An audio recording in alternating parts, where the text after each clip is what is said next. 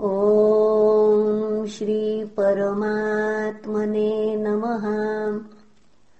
श्रीमद्भागवते महापुराणे पारमहंस्याम् संहितायाम् एकादशस्कन्धे अथो सप्तमोऽध्यायः। श्रीभगवानुवाच।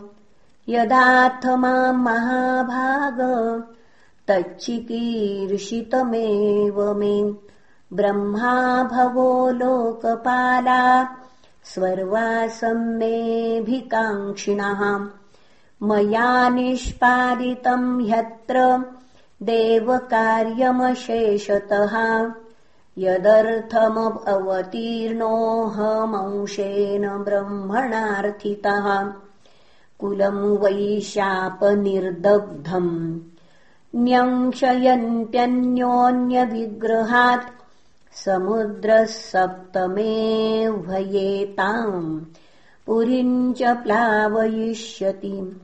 यरिहे वायम् मया त्यक्तो लोकोऽयम् नष्टमङ्गलः। भविष्यति पुनः भविष्यत्यचिरात् साधो कलिनापि निराकृतः न वस्तव्यम् त्वयैवेह। मया त्यक्ते महीतले जनो धर्मरुचिर्भद्र भविष्यति कलौ युगे। त्वम् तु सर्वम् परित्यज्य स्नेहम् स्वजनबन्धुषु। मय्यावेश्य मनः सम्यक् समदृग्विचरस्वगाम् यदिदम् मनसा वाचा। चक्षुर्भ्याम् श्रवणादिभिः नश्वरम् गृह्यमाणम् च विद्धि मायो मनोमयम्। पुंसो युक्तस्य नानार्थो भ्रमः गुणदोषभाक्। कर्मा कर्म विकर्मेति गुणदोषधियोभिदाम् तस्मात् युक्तेन्द्रियग्रामो युक्तचित्तः इदम् जगत्।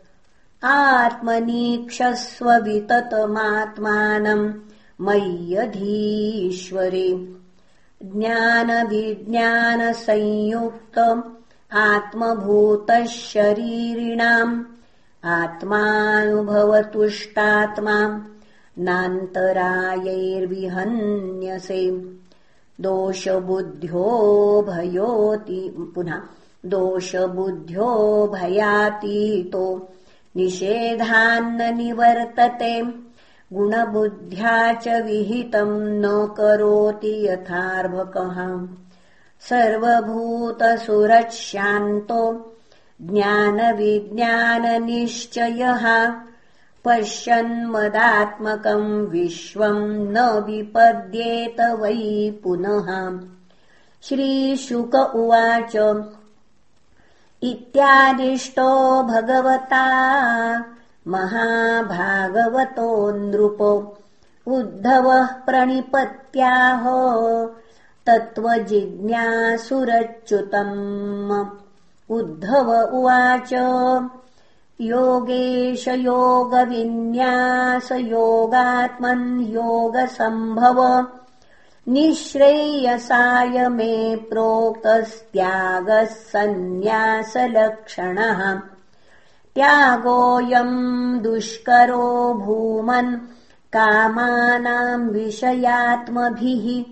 सुतराम् त्वयि सर्वात्मन्न भक्तैरिति मे मतिः सोऽहम् ममाहमिति मूढमतिर्विगाढो स्त्वन्मायया विरचितात्मनि सानुबन्धे। तत्त्वञ्जसा निगदितम् भवता यथाहम् संसाधयामि भगवन्ननुषाधिभृत्यम्। सत्यस्य ते सदृश आत्मन आत्मनोऽन्यम् वक्तारमीश विबुधेष्वपि नानुचक्षे सर्वे विमोहितधियस्तव मायये मे ब्रह्मादयस्तनुभृतो बहिरर्थभावाः। तस्माद्भवन्तमनवद्यमनन्तपारम् सर्वज्ञमीश्वरमकुण्ठविकुण्ठधिष्ण्यम् निर्विण्णधीरहमुहस्वृजिनाभितप्तो नारायणम् नरसखम् शरणम् प्रपद्ये। श्रीभगवानुवाच। प्रायेण मनुजालोके लोकतत्त्वविचक्षणाः। समुद्धरन्ति ह्यात्मान मात्मनैवाशुभाषयात् आत्मनो गुरुरात्मैव पुरुषस्य विशेषतः। यत्प्रत्यक्षानुमानाभ्याम् श्रेयोसावनुविन्दते पुरुषत्वे च माम् धीरा।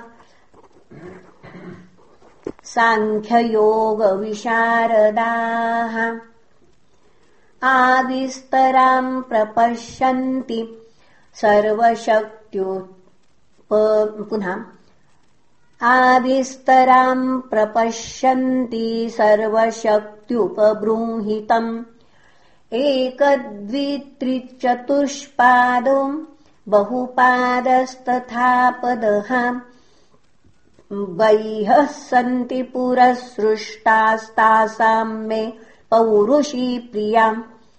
अत्र माम् मार्गयन्त्यद्धा युक्ता हेतुभिरीश्वरम्। गृह्यमाणैर्गुणैर्लिङ्गैरग्राह्यो मनुमानतः। अत्राप्युदाहरन्ति पुनः अत्राप्युदाहरन्ति ममी पुनः सोरि अत्राप्युदाहरन्तीममितिहासम् पुरातनम्। अवधूतस्य संवादम्। यदोरमिततेजसः। अवधूतम् द्विजम् कश्चिच्चरन्तमकुतो भयम्। कविम् निरीक्ष तरुणम्। यदुः पप्रच्छ धर्मवित्। यदुरुवाच कुतो बुद्धिरयम् ब्रह्मन्न कर्तुः सुविशारदाः। यामासाद्य भवान् लोकम् विद्वांश्चरति बालवत्। प्रायो धर्मार्थकामेषु विवित्सायाम् च मानवाः। हेतुनैव समीहन्ते आयुषो यशसः श्रियः त्वन्तु कल्पः कविर्दक्षः। सुभगो मृतभाषणः।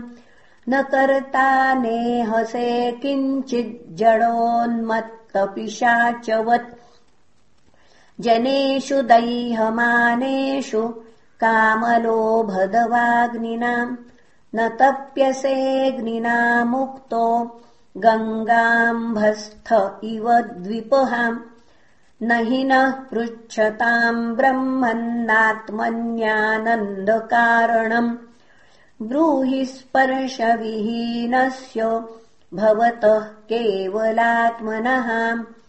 श्रीभगवानुवाच यदुनैवम् महाभागो ब्रह्मण्येन सुमेधसा पृष्ठः सभाजितः प्राह प्रश्रयावनतम् द्विजः।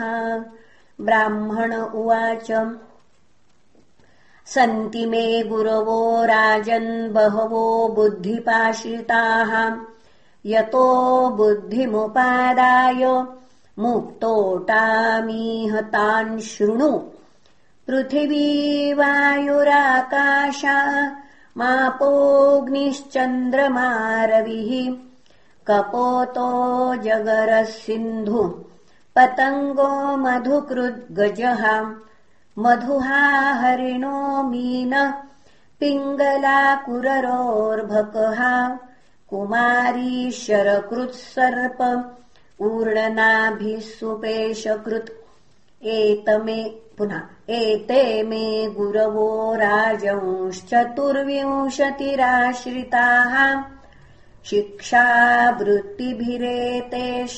मन्विशिक्ष मिहात्मनः यतो यदनुशिक्षामि यथा वा नाहुषात्मजः तत्तथा पुरुषव्याघ्र निबोधकथयामि ते। भूतैराक्रम्यमाणोऽपि धीरो दैववशानुगैः तद्विद्वान्न चलेन्मार्गादन्वशिक्षम् क्षितेर्व्रतम् शश्वत्परार्थ सर्वेह परार्थैकान्तसम्भवः। साधुः शिक्षेद्भूभृत्तो न गशिष्यः परात्मताम्। प्राणवृत्त्यैव सन्तुष्येन्मुनिर्नैवेन्द्रियप्रियैः ज्ञानम् यथा न नश्येत नावकीर्येत वाङ्मनः। विषयेष्वाविशन् योगी नानाधर्मेषु सर्वतः। गुणदोषव्यपेतात्मा न विषज्येत वायुवत् पार्थिवेष्विह देहेषु प्रविष्टस्तद्गुणाश्रयः। गुणैर्न युज्यते योगी गन्धैर्वायुरिवात्मदृक्। अन्तर्हितश्च स्थिरजङ्गमेषु ब्रह्मात्मभावेन समन्वयेन। व्याप्ताव्यवच्छेदमसङ्गमात्मनो मुनिर्नभस्त्वम् विततस्य भावयेत्। तेजोबन्नमयैर्भावैर्मेघाद्यैर्वायुनेरितैः न स्पृश्यते नभस्तद्वत् कालसृष्टैर्गुणैः पुमान्। स्वच्छः प्रकृतितस्निग्धो माधुर्यस्तीर्थभूनृणाम् मुनिः पुनात्यपाम् मित्र मीक्षोपस्पर्शकीर्तनैः तेजस्वी तपसा दीप्तो दुर्धर्षोदरभाजनः सर्वभक्षोऽपि युक्तात्मानादत्ते मलमग्निवत्। क्वचिच्छन्न क्वचित् स्पष्ट उपास्य श्रेय इच्छताम् भुङ्क्ते सर्वत्र दातॄणाम् दहन् प्रागुत्तराशुभम् स्वमायया सृष्टमिदम् सदसल्लक्षणम् विभुः।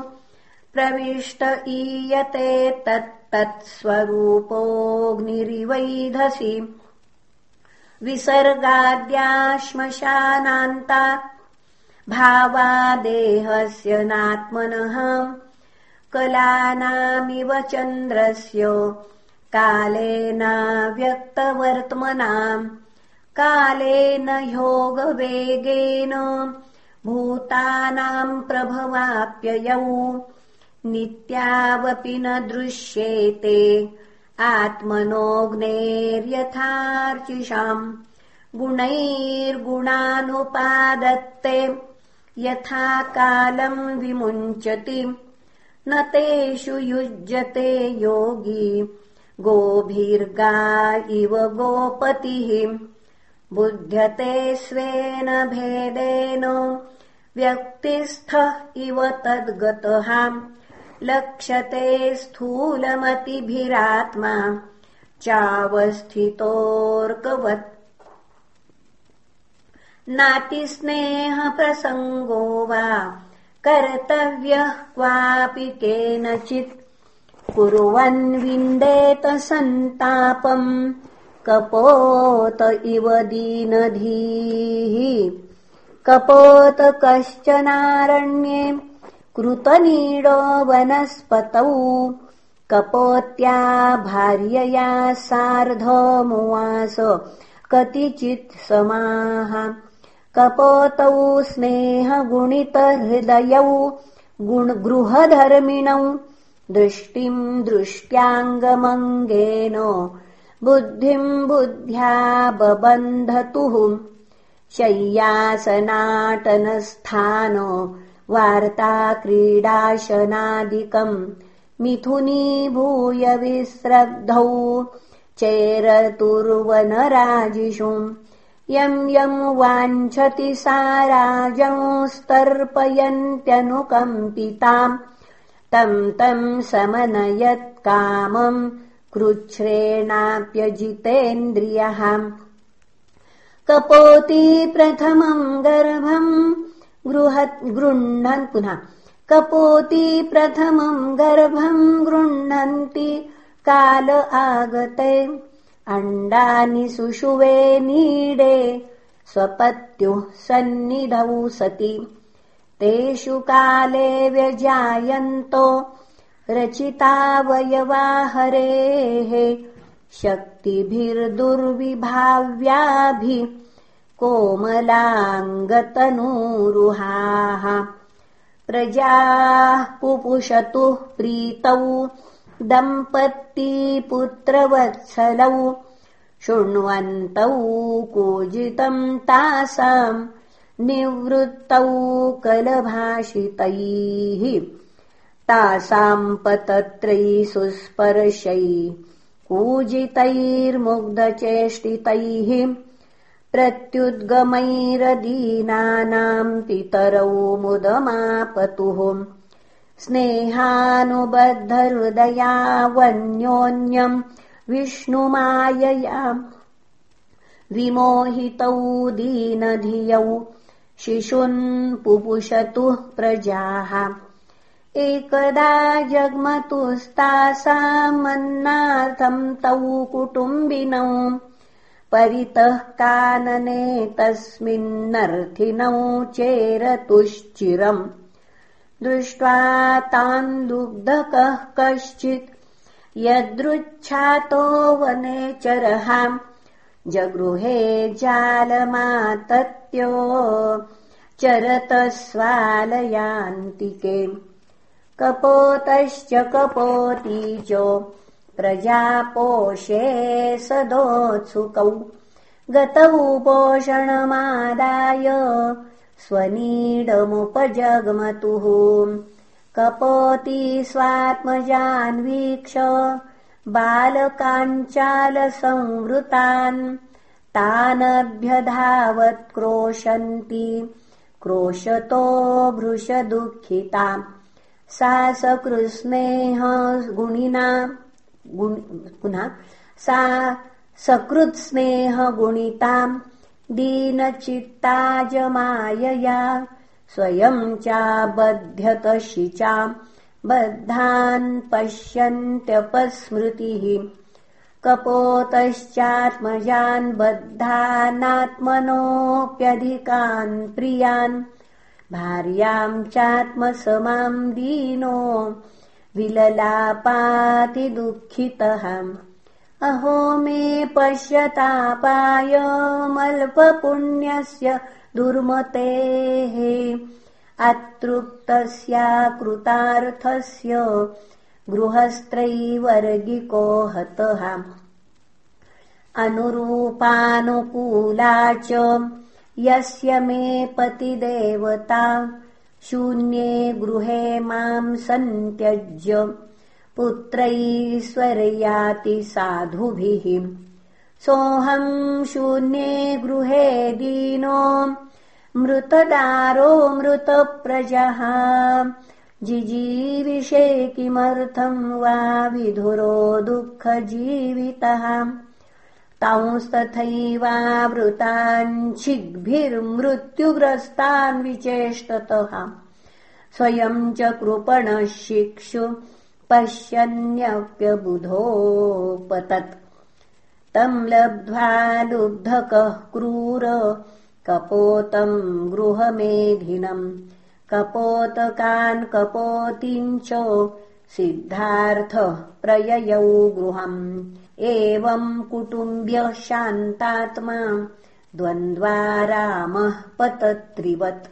पुष्णन् कुटुम्बम् कृपण सानुबन्धो वसीदति यः प्राप्य मानुषम् लोकम् मुक्तिद्वारमपावृतम्। गृहेषु खगवत्सक्तस्तमारूढच्युतम् विदुः। इति श्रीमद्भागवते महापुराणे पारमहंस्याम् संहितायाम् एकादशस्कन्धे सप्तमोऽध्यायः श्रीकृष्णार्पणमस्तु। हरये नमः हरये नमः हरये नमः